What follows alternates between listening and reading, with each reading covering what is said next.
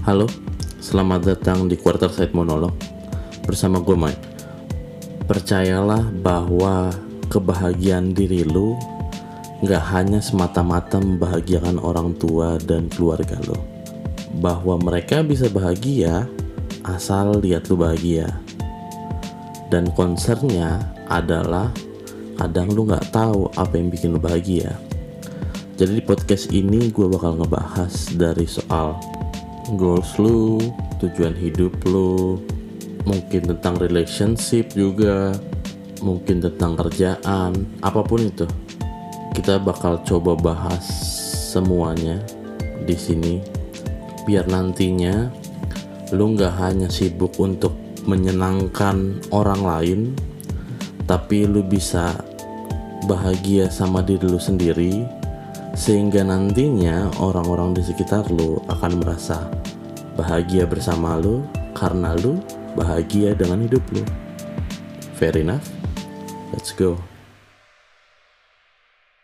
Halo, uh, selamat datang di Quarter Side Monolog dengan gua Mike. Jadi kali ini gue mau membahas sesuatu yang menarik. Sebelum itu, gua merasa gua sudah cukup lama ya nggak upload podcast episode podcast. Karena gua aja udah lupa gitu judul podcast gue terakhir. Bangsat emang. Cuman maksud gua kenapa gua lama uploadnya? Karena podcast itu mungkin podcast ini masih belum jadi prioritas utama hidup gua. Pinginnya sih gue ngomong gitu. Cuman sebenarnya alasan aslinya adalah gue nggak ketemu waktunya aja anjing emang. Gara-gara um, kan kalau rekam podcast itu kan harus sepi gitu ya. Sedangkan ternyata kondisinya sekarang lagi nggak sepi-sepi banget gitu. Jadi mungkin gue lagi ditantang untuk pinter-pinternya gue lah nyari waktu. Toh akhirnya ini kejadian juga. Jadi sebenarnya no excuse sih. Itu basa-basi. Memulai aja. Cuman gue kembali ke podcast gue jadi sebenarnya kenapa gue tertarik ngebahas ini dan gue juga nulis artikelnya. Gue masih belum tahu sih judulnya apa. Cuman gue nulis ini dan ngerekam ini karena ada satu kejadian yang menarik di hidup gue di akhir tahun 2020 gua dan kawan-kawan gua bertemu lah ya walaupun pandemi ya dan gue juga nggak punya excuse buat bilang kita udah di swab dan kawan-kawan. Enggak emang anjing aja emang kita susah aja dibilangin sama pemerintah. Ya at least kita nggak ngumpul di tempat umum. Ngumpulnya ya entah di apartemen atau di rumah kawan kayak gitu gitulah um, biasa mungkin ini salah satu yang sering gue lakukan tiap di akhir tahun kumpul sama kawan-kawan ngebahas apa aja yang sudah terjadi bla bla bla bla bahasa basi sih.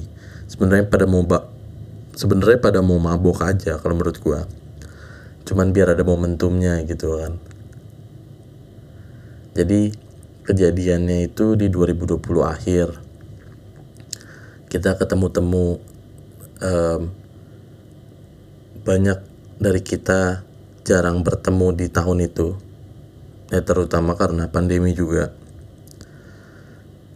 Jadi banyak kejadian-kejadian yang menarik harusnya. Karena kan berubah. Setiap perubahan selalu menghadirkan kejadian-kejadian lucu kejadian-kejadian yang menyedihkan, kejadian-kejadian yang menarik. Makanya ketika pas di 2020 ini banyak tuh ceritanya. Kalau gue sendiri sebenarnya di 2020 ini gak jelek-jelek banget. Betul memang sulit hidup di 2020 ya untuk sebagian orang ada yang kehilangan pekerjaannya ada yang berubah pola hidupnya. Pokoknya satu hal yang pasti semua orang berubah gitu. Dan menurut gue ya namanya hidup kan memang se seperti itu kan. Perbedaannya adalah di 2020 kita ngelakuinnya bareng-bareng. Jadi nggak ada. Kalau kalau buat gue sendiri pribadi nggak ada sesuatu yang terlalu wah banget sih. Selain nggak bisa keluar. Dan ternyata gue sangat nyaman di rumah. Walaupun akhirnya harus keluar juga dari rumah ya. Cuman di 2020 ini ketika gue ketemu sama kawan-kawan gue ternyata memang perubahan itu banyak di hidup mereka. Contohnya kayak mungkin ada yang cerita jadi ketemu bininya satu tahun tuh. Ketemu bininya mulu. Gue nggak tahu itu it's a good thing or bad thing ya. Cuman ya pasti ada cerita ceritanya lah. Uh, ada juga yang akhirnya karena di layoff akhirnya harus menemukan cara untuk mencari uang. Akhirnya mungkin tiba-tiba si bisnismen tiba-tiba di Instagramnya ada CEO of Wih, gila kreatif banget nih pandemi. Cuman at least kawan-kawan gue menurut gue overall ceritanya cukup seru. Nah pas ke gue ditanya lu gimana 2020 lu? Gue jawabnya simple gue bilang gila di 2020 gue berhasil menemukan diri gue sendiri. Wah anjing. Abis jawaban itu abis gue dan dan gue nggak pernah bermasalah sih. Maksudnya ya memang terdengarnya sangat politis banget ya. Sangat keren banget gitu. Tapi ternyata itulah yang terjadi gitu. Kan ketika selama pandemi ini ketika PSBB mulai ketat-ketatnya jadi nggak ada orang-orang yang keluar masuk keluar masuk akhirnya kantor-kantor nggak diliburin sih di diwajibkan kerja dari rumah dan kawan-kawannya ternyata gue jadi punya banyak waktu luang gitu. gue punya banyak waktu luang akhirnya gue gue kan karena sebenarnya posisinya adalah ketika saat itu gue sudah memutuskan untuk berhenti main game. Emang nggak tahu kenapa sih. Mungkin ada satu dua alasannya. Cuman ya udahlah gue quit gitu. Ke main game. Ada beberapa yang masih gue pertahankan cuman yang bukan tipikal yang mengejar status atau apa pun gitu. Jadi ya main-main biasa aja. Um, dan gue juga udah nggak pakai sosial media. Jadi ketika ketika dipadetin semuanya ketika lo kerja selesai tek space-nya tuh bener-bener kosong sekosong kosongnya gua nggak tahu mesti ngapain. Biasanya kan pulang kerja ya nongkrong dulu ke mana dulu. Ngapain gitu ngelakuin hal aktivitas di luar sebelum sampai di rumah capek lu baru tidur. Jadi berasanya wah wow, waktu gua habis. Waktu WFH kosong banget ya udahlah akhirnya. Karena saat itu dan gue juga bukan tipikal yang berlangganan layanan TV berbayar gitu ya karena gue nggak terlalu suka nonton juga. Jadi salah satunya layanan yang gue gunakan saat itu adalah Audible. Emang anjing tuh. Jadi jadi belajar gue di kuliah susah buat belajar giran pandemi buset ya udah akhirnya karena hanya itu yang bisa gue lakukan ya udahlah gue mulai baca-baca buku filosofi. Wah keren banget lah. Belajar tentang mau jadi apa. Kan biasa gitu ya kalau misalnya udah kejepit keadaan menyesal terus diinget-inget lagi habis itu memikirkan wah nextnya kalau seperti ini lagi gimana ya? Nah mungkin itu terjadi juga di gua. Akhirnya ya udah mulailah belajar belajar ya kayak bocah-bocah normal aja lah belajar investasi belajar ini belajar itu. Dan ketika pembelajaran itu gue sampai di satu titik di mana pertanyaannya itu muncul gitu pertanyaan yang akan mudah dijawab oleh anak-anak kecil tapi sangat sulit dijawab di umur-umur seperempat abad ke atas. Cita-cita lu apa sih? Waktu kecil banyak tuh ceritanya. Tapi ketika umur mulai berlanjut, mulai bisa ngasilin duit sendiri, banyak orang kehilangan cita-citanya. Permasalahannya, cita-cita tuh nggak bisa mati. Cita-cita tuh cuma bisa terkubur dan biasanya dia bangkit lagi di umur-umur tua. Itu adalah salah satu yang gue dapetin dari buku-buku yang gue baca. Gue nggak tahu bahkan itu dari buku mana. Pokoknya udah nyangkut aja di otak gue. Jadi akhirnya gue coba melakukan yang namanya self development mulai pasang goals goals mau apa tahun ini mau apain apa yang terjadi apa. Pokoknya step-stepnya lah. Gue breakdown sekecil yang gue bisa. Dan ternyata ketika lagi proses self development itu ada satu hal yang cukup menarik buat gue bahwa ternyata self development gak segampang itu. Kenapa gak segampang itu? Karena sebelum lu self development ternyata ada prosesnya lagi. Jadi kembali ke pertemuan gue yang kemarin sama kawan-kawan gue itu yang di akhir itu ada satu statement yang menarik menurut gue.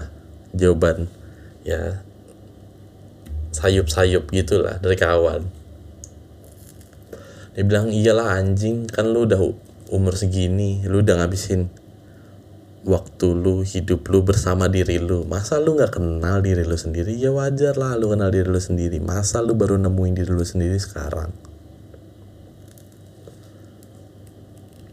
Dan betul, banyak orang merasa mereka udah kenal dirinya sendiri. Padahal ketika dikulik makin dalam lagi, lu ternyata nggak tahu apa-apa gitu tentang diri lu sendiri. Makanya banyak orang yang akhirnya mengejar hal yang salah menurut gua. Jadi kalau gue ibaratin nih, contohnya, contohnya apa ya? contohnya mungkin gini contohnya misalnya ular ular ular ular ular ular apa pun itulah misalnya ada ular nih. Dia ngelihat angkasa wah anjir luas banget. Gue pingin bisa terbang deh. Akhirnya dia cari cara gimana caranya bisa terbang. Entah bikin sayap-sayap buatan entah bikin bikin apa ya ular bisa bikin apa sih? Ya pokoknya dengan imajinasinya si ular itu membuat sesuatu hal lah. Karena dia mau ngelihat dia ngelihat burung elang itu sangat berkuasa di atas.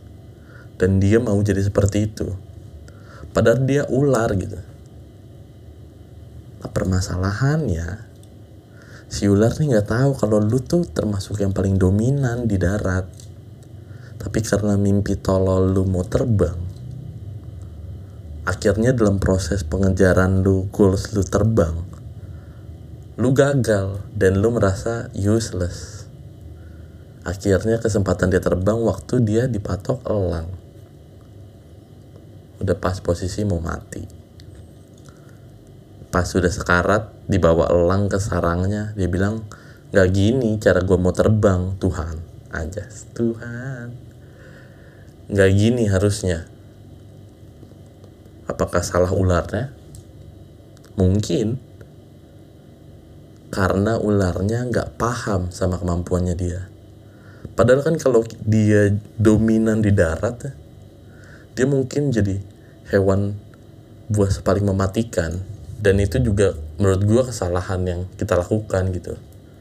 Mungkin ini nggak terjadi sama binatang ya karena mereka nggak punya ah nggak kalau gue bilang nggak punya mimpi ntar gue sotoy lagi. Nggak tahu lah pokoknya yang gue yang gue tahu kan manusia ya cuman manusia kan bisa punya mimpi. Dan kadang mimpinya itu random aja gitu. Ya jadi anak band keren ya ngikut. Ya jadi youtuber keren yang ngikut. Ya jadi pemain film keren yang ngikut.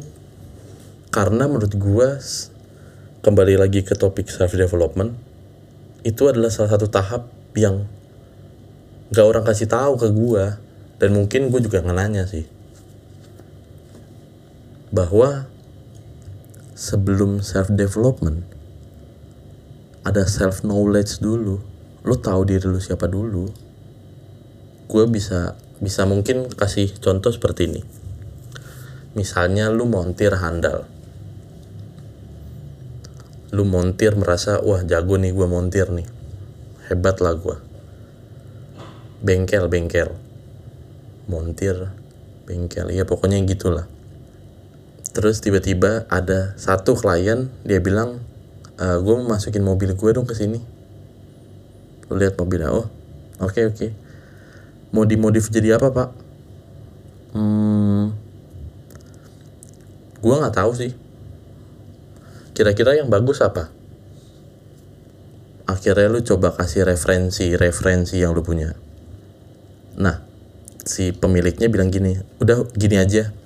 Gua kan nggak tahu nih lu yang montir. Harusnya lu yang paling tahu apa yang terbaik buat mobil ini. Pesan gue cuma satu lu maksimalin aja potensinya.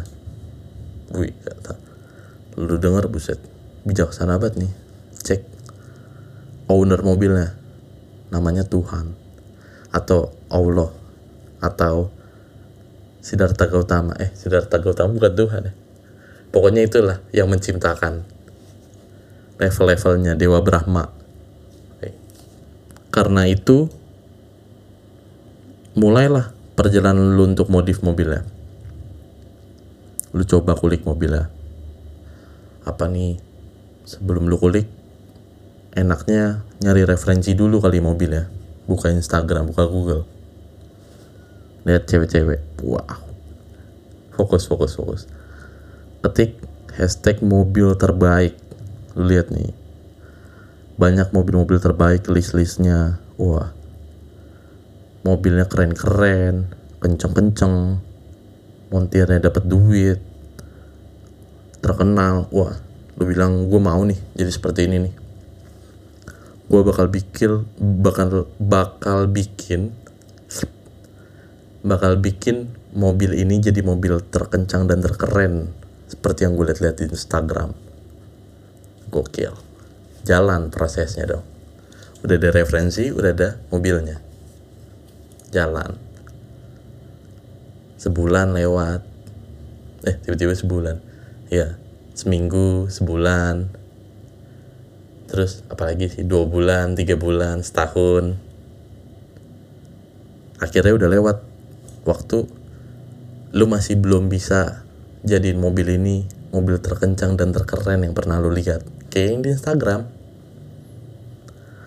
Terus lu bilang anjing nih mobil bangsat nih. Ibarat kata tai nih mobilnya. Kok gue apa-apain gak bisa ya? Mobil nih gimana sih maunya seperti apa?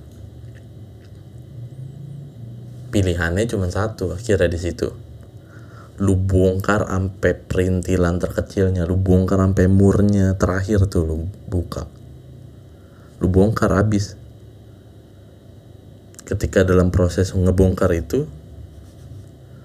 baru lu sadar bahwa oh ternyata mobil ini sama mobil yang gue lihat di Instagram tipenya beda. Padahal mereknya sama sama-sama manusia mereknya merek mobilnya. Tapi tipenya beda. Ya udah akhirnya gue coba ubah perspektif gue karena gue inget omongan ownernya kalau lu ateis ya omongan siapa pun yang menciptakan lu siapa pun yang lu percaya kan cuma maksimalin potensinya untuk merubah menjadi yang terkencang dan tercepat itu kan cuma imajinasi gue kok gue bisa kesel sama sesuatu hal hanya karena dia nggak bisa menuhin ekspektasi gue. Bukankah itu tolol namanya? Baru dari situ lu sadar, konsepnya berubah. Akhirnya setelah lu bongkar, lu perhatiin, lu rutin nih semuanya. Dan lu baru sadar bahwa mobil ini nggak bisa jadi yang terkencang atau terkeren. Tapi mobil ini bisa jadi yang terhemat. Mungkin di dunia, akhirnya di situ lu mulai prosesnya. Goals lu berubah, tapi di idea untuk memaksimalkan potensinya tetap sama. Karena apa? Karena sekarang lu tahu perintilan-perintilannya, bentuk bodinya, montir itu tuh sama kayak otak lo kalau menurut gua. Lu pikir lu mau seperti orang yang ada di imajinasi lu? Mungkin enggak. Kenapa? Karena lu nggak tahu diri lu siapa. Anjing keren banget ya penggambaran gue jago lu gue karena kalau menurut gue yang gue lihat ya kalau udah ngomongin tentang kenal diri sendiri entah lu ngomongnya bahasanya gue sih Mike orangnya gini ya. Gue sih Mike orangnya gini ya. Nggak gitu-gitu doang sebenarnya. Deep down tuh ada detailnya kenapa breakdownnya apa yang membuat lu melakukan hal ini kenapa gua memilih untuk nggak main sosmed? Itu ada penjelasannya sebenarnya. Tapi berapa banyak yang mau cek hal tersebut? Gitu. Contohnya mungkin ini juga sering kejadian di lo ya. Dan ini pasti kejadian di gua makanya gue bisa bikin contoh. Gue sih Mike orangnya bisa bercanda apa aja Giliran dibecandain hal lain, dia marah. Jangan gitu dong, jangan bahas-bahas keluarga. Kayak gue dulu. Dan gue adalah mungkin salah satu orang yang seperti itu dulu. Tapi gue baru sadar lately, kok gue bisa ya bercanda tentang hal A, tapi gue gak bisa bercanda tentang hal B Artinya gue memaksa dunia ngikutin selera gue. Itu mah bukan bisa bercanda, itu mah arogan. Masa lu marah? Dan pengetahuan-pengetahuan kayak gitu gue dapetin waktu self knowledge gitu. Oh, iya ya salah juga ya gue, anjing. Karena menurut gue, ketika lu self knowledge itu, lu nantinya sadar lu nggak bisa jadi segala hal gitu. Lu nggak bisa jadi orang-orang yang lu pingin lu nggak bisa jadi orang yang ada di imajinasi lu. Lu cuma bisa jadi lu. Tapi tugas lu ada memaksimalkan potensi lu. Soalnya cuman itu yang lu punya. Kok bisa lu self development tanpa self knowledge? Kok bisa lu ngembangin diri tanpa kenal diri lu sendiri? Terus yang lu kembangin apaan dong anjing gue jagonya di sini Mike. Bener nggak? Coba. Kalau lo yakin gue gue for it. Soalnya ketika lu udah mulai mengetahui diri lu sendiri akhirnya itu akan ngebantu hidup lu jadi lebih gampang gitu. Lu nggak memaksa orang buat ngikutin lu karena lu tahu setiap orang berbeda lu nggak memaksa diri lu mengikuti orang atau FOMO mungkin bahasa kerennya sekarang karena setiap orang berbeda tapi kan itu mudah ya dicapkan ya sama kayak istilah toleransi itu mudah sampai giliranmu. Mungkin karena self knowledge itu akhirnya gue tahu, oh gue maunya kayak gini, gue maunya kayak gitu. Akhirnya gue bisa lagi jawab pertanyaan di awal. Cita-cita lu apa sih? Jangan kaya doang lu kalah dong sama bocah kecil bocah kecilnya spesifik cita-citanya dan penutupnya um, yang terpenting itu sebenarnya adalah ketika lu sudah mengetahui diri lu walaupun nggak langsung mendevelop ya ada nanti satu step lagi yang bakal gue bahas di episode berikutnya yaitu menerima menerima diri lo sendiri. Itu hal gampang banget kayaknya kedengerannya cakep banget easy peasy. Coba lo lakuin dah. Susah banget bangsat dan beberapa case yang terjadi di hidup gue karena gue mencoba men mengenal diri gue sendiri berujungnya kesedihan memang. Nanti gue bahas detailnya. Tapi at least itu adalah langkah pertama lu untuk mengembangkan diri lu sendiri. Apakah gue bisa mengembangkan diri gue sendiri tanpa harus kenal diri gue sendiri? Bisa. Dan itu yang terjadi banyak sama kebanyakan orang. Ya mereka ngalir aja hidupnya go with the flow cuman kalau misalnya lu punya goals lu nggak bisa go with the flow karena mungkin gak semua orang mau ke goals lu Gak semua orang mau seperti lu. Dan mungkin gak semua mimpi lu lu mau nantinya. Percaya deh. Nanti mimpi kaya itu lu mulai pertanyakan tuh. Mimpi lu mau beli Ferrari, lu mulai pertanyakan tuh. Gue gak bilang salah. Tapi lu beneran mau nggak? Kalau mau, ya go for it kerja keras berkarya biar nggak habis biar maksud gue biar kebahagiaan lu tuh nggak habis di Instagram doang gitu nanti lu kalau ketemu gue nih di Instagram lu happy banget dan ketemu gue gitu-gitu aja. Nanti lu denger omongan gue yang gue udah sering ngomong sama teman-teman gue dulu. Lah gini aja nih malam minggu kita. Kok malam minggu kita gak seseru post Instagram lu ya